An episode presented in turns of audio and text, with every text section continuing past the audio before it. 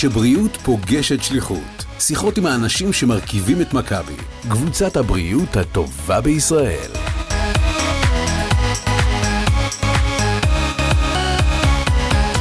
אה, היי, שלום לכולם.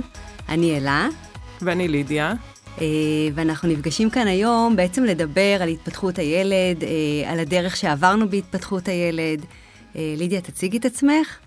אז בשם המורחב שמי פרופסור לידיה גביס, ומזה ארבעה חודשים אני ממונה על התחום של התפתחות הילד במכבי שירותי בריאות.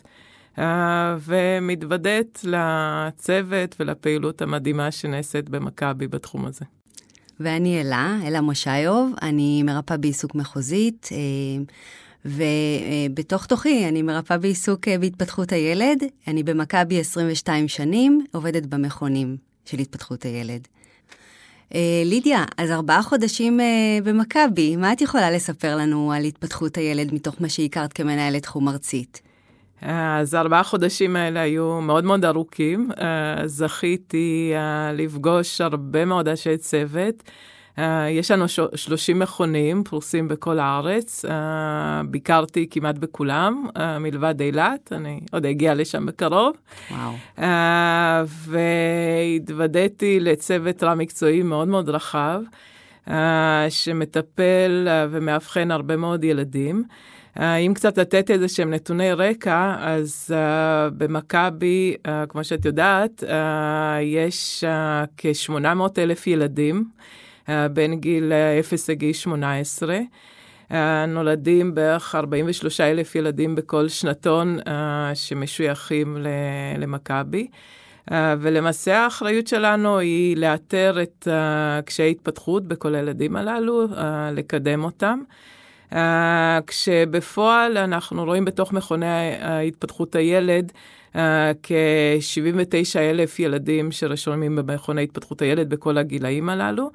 Uh, בפועל בסביבות 30 אלף ילדים מאובחנים ומטופלים על ידי uh, uh, העובדים של מכבי, על ידי עובדים עצמאיים, על ידי מכונים שהם בהסכם, בהסכם איתנו. וזו האחריות שלנו בתחום של התפתחות הילד, לתת את השירות הכי טוב ולקדם את הילדים הללו. כשאנחנו יודעים שבהתפתחות הילד, מה שאנחנו רוצים, להביא את הילדים למקסימום היכולות שלהם. Uh, בהקדם האפשרי, לכן אני מאוד מקדמת את הנושא של האיתור מוקדם, אבחון מוקדם, uh, ומתן טיפול, שהטיפול uh, הוא גם רב-מקצועי uh, וגם עם הסתכלות לכל המשפחה. אוקיי, זה מעניין. אני, אני מאוד אשמח ככה, באמת מסקרן אותי לשמוע אה, ברמה אישית את, ה, את ההתפתחות האישית שלך. אה, סיפרת על מכבי ובאמת אה, הספקת המון בארבעה חודשים. אה, אשמח לשמוע ככה על ההתפתחות שלך. Uh, אז uh, אומנם ארבעה חודשים מכבי, אבל uh, הרבה יותר בהתפתחות הילד. אני מתלבטת אם להגיד כמה שנים, אבל כיוון שרק שתינו שומעות, אז אולי אני אכנס לזה. אז אולי אני אשחזר את זה בהיבט של הילדים שלי. אז הבכור שלי הוא בעוד חודש חוגג 30, uh, והוא נולד uh, כמה שבועות אחרי שסיימתי את הלימודים. אוקיי. Uh, הבת שלי, שטל, הבן שמו דניאל, הבכור, uh, ו... כבר יש uh, תחרות על התואר דוקטור דניאל גביס, אז אני מיהרתי לעשות פרופסורה כדי להבדיל בינינו קצת. uh, והבת שלי טל, היא עוד מעט, היא בת 26, uh, היא שנה חמישית בלימודי רפואה. Uh, והיא נולדה במהלך ההתמחות שלי בעופרת ילדים בית חולים קפלן. וואו, uh, ממש קריירה משפחתית. כן. Uh, לעומת זאת, uh, הצעיר, uh, שהוא חייל, הוא בן uh, 19, uh, הוא נולד אחרי uh, קרוב לחמש שנים של שהות שהיינו בארצות הברית לפלושיפ, עשיתי שם תת-התמחות בנורולוגיית ילדים, ואחר כך בהתפתחות הילד. האם למעשה התחלה של התמקצעות, אה, ב- לפחות בנושא המחקר, בתחום של אוטיזם, שזה הפך לנושא המחקר העיקרי שלי. ואיתן נולד בערך שישה שבועות לפני שחזרנו לישראל. ובסוף חופשת הלידה שלו התחלתי לעבוד בתל השומר.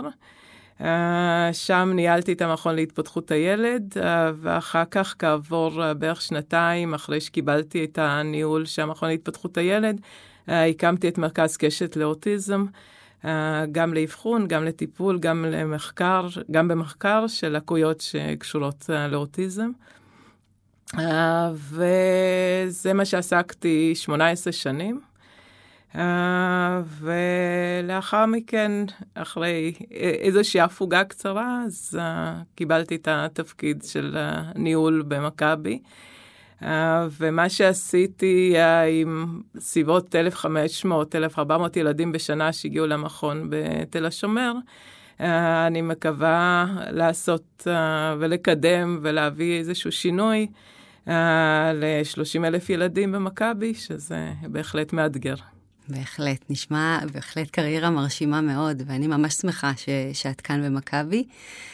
אז אלה, אחרי שסיפרתי כל כך הרבה על עצמי, uh, ובתור uh, החדשה במכבי, אני מאוד אשמח להבין uh, את הדרך שלך במכבי, גם מבחינת הקריירה וגם ברמה האישית, וללמוד איך את רואה את התפתחות הילד במכבי. אוקיי, okay, אני אשמח מאוד לשתף. אני, בעצם את ההכשרה הראשונה שלי בשנה ב' אה, באוניברסיטת תל אביב, לימודי ריפוי בעיסוק, הגעתי למכון להתפתחות הילד בראשון לציון, אה, וזאת הייתה ההתוודות הראשונה שלי להתפתחות הילד.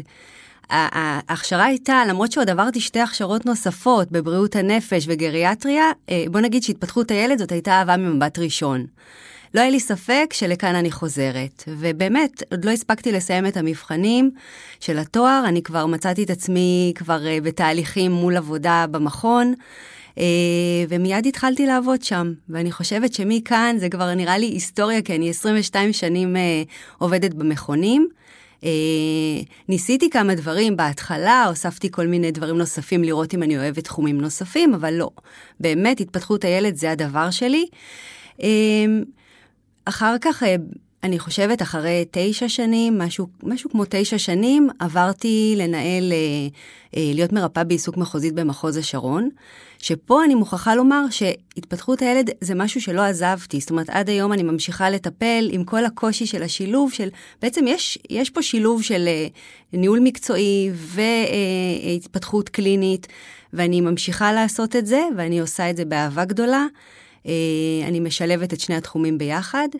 אה, זהו, זאת הדרך שלי בעצם במכבי. אז בהתפתחות המקצועית של שתינו, אני חושבת שיש uh, כמה קווים משיקים בכך שאנחנו גם קלינאיות. נכון. Uh, וגם uh, התקדם, התקדמנו לתפקידי ניהול, uh, אבל uh, עדיין, תוך כדי שאנחנו נשארות בעולם הקליני. לידיה, אני רוצה לחזור אחורה בזמן. אה, אני אשמח אם תשתפי אותנו, אה, איך, אה, איך הגעת לתחום התפתחות הילד, לתחום האוטיזם, בתוך התפתחות הילד? כשהייתי נערה, זה היה קיים גם אז וקיים גם היום, כל הנושא הזה של מחויבות אישית. נכון. ובמחויבות אישית התנדבתי להגיע לבית של נערה שהייתה גם יותר גדולה ממני בגיל וגם הרבה יותר גבוהה וחסונה ממני, uh, בספקטרום האוטיזם בתפקוד מאוד מאוד נמוך. Uh, ובהתחלה uh, כמובן התגובה שלי ככה הייתה די מבוהלת, אבל uh, ההורים המדהימים לא, לא רק שליוו אותי ב... השעות שהייתי איתה, אלא גם לימדו אותי הרבה על אוטיזם, הם נתנו לי את הספרים הראשונים שיש לי על אוטיזם, קיבלתי מההורים האלה. Uh, וכך למעשה נוצרו הניצנים הראשונים של סקרנות. Uh, עם כל הקושי, גם שלהם וגם שלה, ואני מתגוררת ברחובות, גם התגוררתי בתור נערה וגם כעת. Uh, והם גרו אז בגדרה. uh, הייתי נוסעת לשם באוטובוסים והמשכתי במשך חמש שנים להגיע אליהם עד שהתחלתי את הלימודים בירושלים, לאורך כל הצבא גם המשכתי להגיע. וואו, זאת אחרי uh, שסיימת את המחויבות. אחרי שהרבה אחרי כן. שסיימתי את המחויבות האישית. אבל זה אולי בפן המאוד רגשי שלא חשבתי עליו הרבה מאוד שנים. הדרך הייתה דרך של התמחות בעופרת ילדים, ואחר כך התמקצעות בנורולוגיית ילדים, שמאוד עניין אותי, כל מה שקשור uh, למוח, uh, ובהמשך uh, בעיקר uh, כל מה שקשור לסיבוכים של פגים uh, ולהתפתחות של פגים, זה היה התחום העניין הראשון שלי המקצועי. Uh, ועם הזמן uh, התחלתי דווקא דרך המחקר. הגעתי לנושא של התפתחות הילד באופן כללי והתפתחות של פגים, ואחר כך לתחום של אוטיזם באופן ספציפי. Uh, ומרגע שהתחלתי בתחום הזה, uh, גיליתי שבניגוד למה שחושבים, זה תחום מאוד אופטימי. Uh, רוב הפגים סך הכל מגיעים לתפקוד שהוא תפקוד מלא וטוב. Uh, את הילדים בספקטרום האוטיזם אפשר מאוד לקדם ויש הרבה מאוד uh, כלים. Uh, וזה מה שהביא אותי לתחום וזה מה שמחזיק אותי בתחום גם היום. זה מאוד מעודד לשמוע אשת מקצוע כמוך אומרת, uh, ככה משדר את האופטימיות הזה, הזאת.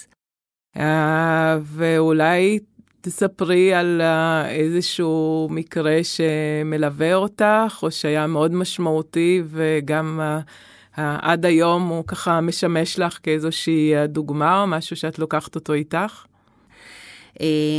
אז בואי אני אספר לך על ככה משהו שאני לא שוכחת, זה את הטיפול הראשון שלי. אני סיימתי, אני סטודנטית, יש לי יומיים הסתגלות למכון כעובדת במכון, כמרפאה בעיסוק. באמת יומיים של תצפיות, התאקלמות, ופתאום אני מוצאת את עצמי יום שלישי בשעה חמש אחר הצהריים, אני לבד בחדר, עם מאיה הקטנה בת שלוש, וזה אפילו לא שם בדוי, כי היום היא בת 25 ובוודאי עושה חיל. אה, מוצאת את עצמי איתה בחדר עם האימא, וצריכה בעצם אה, לעשות, לעבוד, אה, לטפל. ופתאום אני מבינה, בבת אחת יורד לי האסימון ש... שעכשיו הכל עליי. האחריות המקצועית, ההצלחה של הטיפול, הכל עליי. ואני חושבת שזה נקודה, עובדה שאני לא שוכחת אותה עד היום, זה נקודה מאוד מאוד מרגשת למטפל. את השלב שאתה פתאום עצמאי, שאתה פתאום צריך לעשות את הדבר לבד, ואתה אחראי להצלחה ול... או לכישלון של הדבר. מה עזר לך להתחיל את הטיפול? אני חושבת שהמוטיבציה והרצון. אני חושבת שזה בעיקר, כי ידע רוכשים עם הזמן.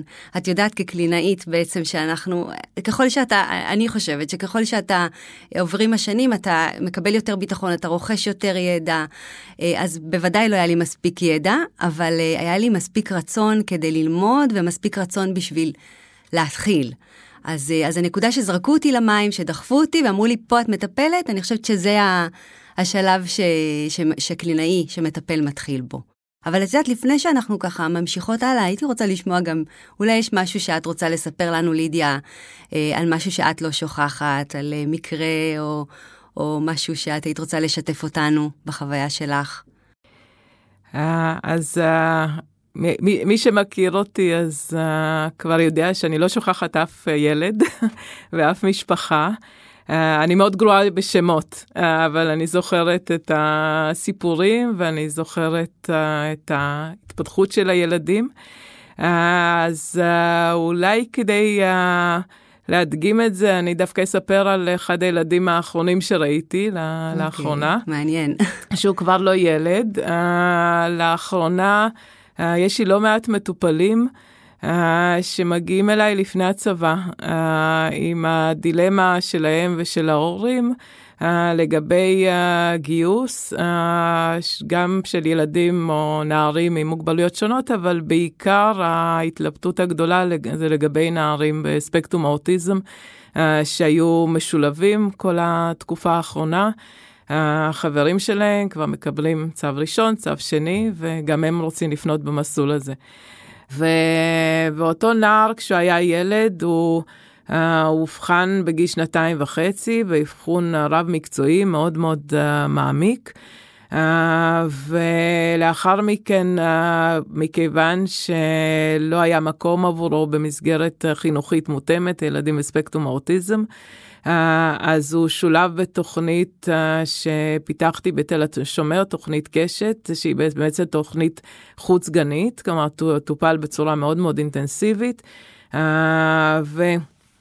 טופל אחר כך בעוד מסגרות לילדים בספקטרום האוטיזם וגם מהדוחות וכל מה שהיה בהמשך, היה ברור שההבחנה הייתה של לקות תקשורת ברמה בינונית, בוא נאמר ככה, לא, הוא היה ילד שהוא תפקד, אבל עם הרבה קשיים שקשורים לספקטרום.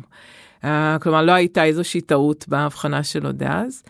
Uh, ולשמחתי הרבה, uh, באבחון שעשיתי לאחרונה, והיו לי עוד מספר נערים ונערות, במיוחד יותר בנות, ש... שראיתי לאחרונה אחרי הרבה מאוד שנים אה, מאז ההבחנה ומאז הטיפול בגיל הצעיר. אה, הוא למעשה לא ענה לאף אחד מהקריטריונים, הוא היה נער שמתפקד באופן רגיל. Uh, עוד כמה בנות כאלה ראיתי שלגמרי מתפקדות כמו כל הנערות בגילן. שאיך את מסבירה uh, את זה ככה? אני ו... אני מייחסת את זה לכוח טיפולים? של הטיפול, כן. לכוח של מה שאנחנו עשינו. כמובן, יש גם את הביולוגיה וגם את ה... ההתפתחות, כמו בהרבה דברים, זאת אומרת, של ילד שמאחר ללכת ואחר כך הוא הולך ורץ ומשתתף באולימפיאדה, אז כך זה יכול לקרות גם לגבי תקשורת, יכולה להשתפר. ובסופו של דבר המדד שלנו הוא תפקוד, אז נכון. ברגע שהנער מתפקד באופן עצמאי, אז הוא כבר לא עונה לקריטריון הכי חשוב של הפרעה תפקודית. יפה. וזה מקרה מאוד מרגש עבורי. כל המקרים הללו שהם uh, לא רבים, גם לפי הספרות זה בערך, בערך עשרה אחוז שאנחנו מגיעים לתפקוד שהוא uh, בעצם תקין. הם מקרים מדהימים. אבל גם ה-90 אחוז האחרים, ברוב המקרים אנחנו רואים שיפור מאוד משמעותי בתפקוד, וזה מרגש וואו, באותה מידה. לגמרי, ממש. תודה, זה באמת, אני התחלתי עם הטיפול הראשון, עם הטיפול האחרון.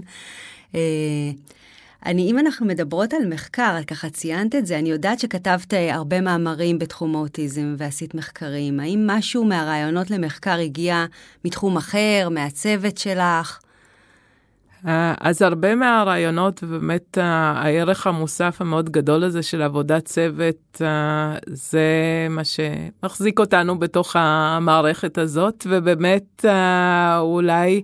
אה, אני אתחבר לכיוון המחקרי הראשון uh, שהתחלתי בו אחרי הגעתי לארץ. בארצות הברית עסקתי יותר בנושא של הדמיה. Uh, ובארץ uh, התחלתי לעסוק בעיקר uh, בקליניקה, לראות הרבה מאוד uh, ילדים. Uh,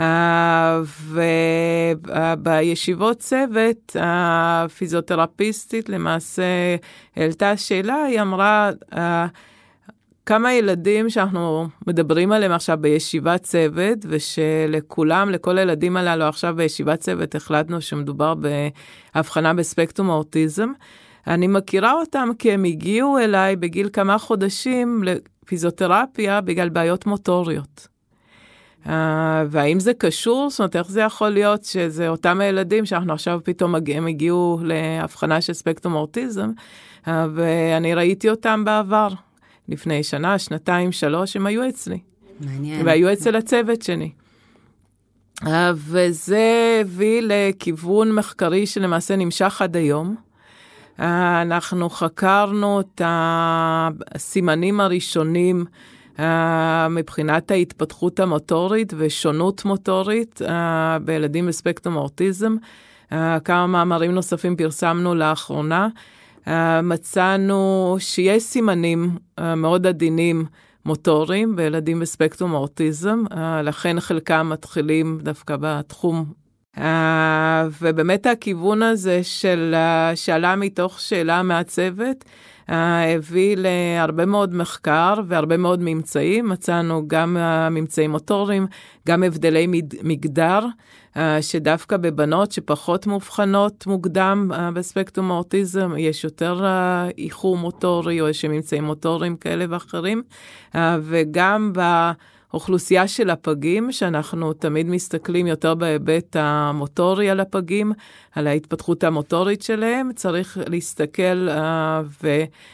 ולחפש סימנים גם ללקויות אחרות, במיוחד סימנים לספקטרום האוטיזם. אה, ויש שכיחות יתר של ספקטרום האוטיזם גם בפגים.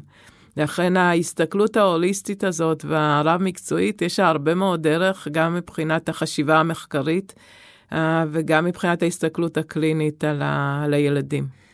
אה, אז אני חושבת קודם כל שכמו שאמרתי גם קודם, אה, מכבי מאפשרת המון, אה, המון למידה. זאת אומרת, תוך כדי העשייה הקלינית אנחנו משלבים למידה, אנחנו מציעים הרבה קורסים. עכשיו הולך להיות קורס של יציאה לעצמאות של מרפאים בעיסוק וקלינאיות תקשורת, שבעצם הם בתחילת הדרך שלהם כעצמאים עד חמש שנים, לנסות לעזור להם לבנות את עצמם טוב יותר ובצורה נכונה יותר במערכת. יש קורסים רבים שעשינו, אני יכולה לתת דוגמה לקורס שעשיתי בריפוי בעיסוק של אה, התערבות אה, בגישה, התערבות, זה גישה טיפולית בהתערבות אה, עם הורים, הדרכת הורים לילדים עם קשיי קשב וריכוז בגילאי גן. משהו שאני יכולה לספר שאנחנו עברנו קבוצה מאוד מאוד גדולה של מטפלים לפני חמש שנים, והרבה מתוכנו, מתוכנו מיישמים את זה. אה, וזה פתח עוד פתח, עוד דרך לראות את עולם הטיפול גם מכיוון של הדרכת הורים כמרפאים בעיסוק. אה, באמת, אנחנו הולכים להמון כיוונים. אפשר לדבר גם על הטיפול מרחוק, מה שמביא אותי לשאול אותך את השאלה, כי גם זה חלק אולי, אה, לאן הולך התחום? הקורונה עשתה איזשהו מהלך שגם משנה דברים. איך, איך את רואה, לאן התחום הולך?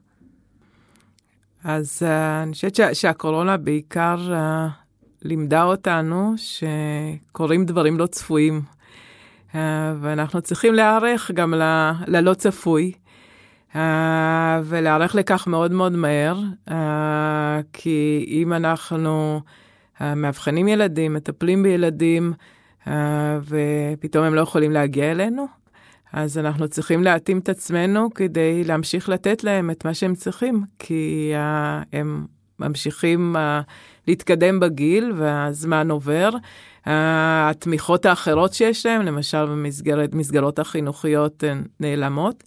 Uh, ולכן הקורונה לימדה אותנו, ואני התוודעתי לנעשה במכבי, uh, התאמה מאוד מאוד מהירה שנעשתה לכיוון של מתן טיפולים מרחוק שאת ציינת, או מתן טיפולים היברידיים. Uh, זה בא על כך שהיה כבר רקע, הייתה הכשרה, uh, הייתה מודעות uh, למה אפשרי גם לפני הקורונה. Uh, ולכן הרבה יותר קל לעשות את ההתאמות הללו ולהתכונן ללא צפוי, עד כמה שזה נשמע קצת סותר, uh, בזה שאנחנו נסתכל קדימה ונתאים להרבה יותר דרכים גם לאבחון וגם לטיפול. ההתאמות האלה היום הם... uh, קיבלו הרבה מאוד בוסט, או הרבה התקדמו מאוד בתקופה האחרונה בזכות הרבה מאוד טכנולוגיות, uh, שאנחנו צריכים לאמץ אותם ולאמץ אותם כמה שיותר מהר. Uh, כי הן טכנולוגיות שמסייעות לנו, זאת אומרת, טכנולוגיות שמסייעות לנו לטפל יותר טוב ולאבחן יותר טוב את הילדים. Uh, יש uh, פריצת דרך טכנולוגית בתחום של ריפוי בעיסוק. אה, גם מבחינת אה, כלי עבודה וכלי אבחון אה, חדשניים. בתחום של קלינאות תקשורת, כל הנושא של תקשורת חליפית, הוא כבר קיים הרבה מאוד שנים, אבל גם זה מאוד התקדם, התקדם בשנים האחרונות, ואנחנו צריכים לקחת את זה הלאה. Uh, ואני חושבת שהדור הצעיר של העובדים שלנו, uh, הרבה יותר uh, פתוח וקל לו יותר ללמוד את כל הטכנולוגיות של גם של התערבות מרחוק, גם של מיפוי תהליכים.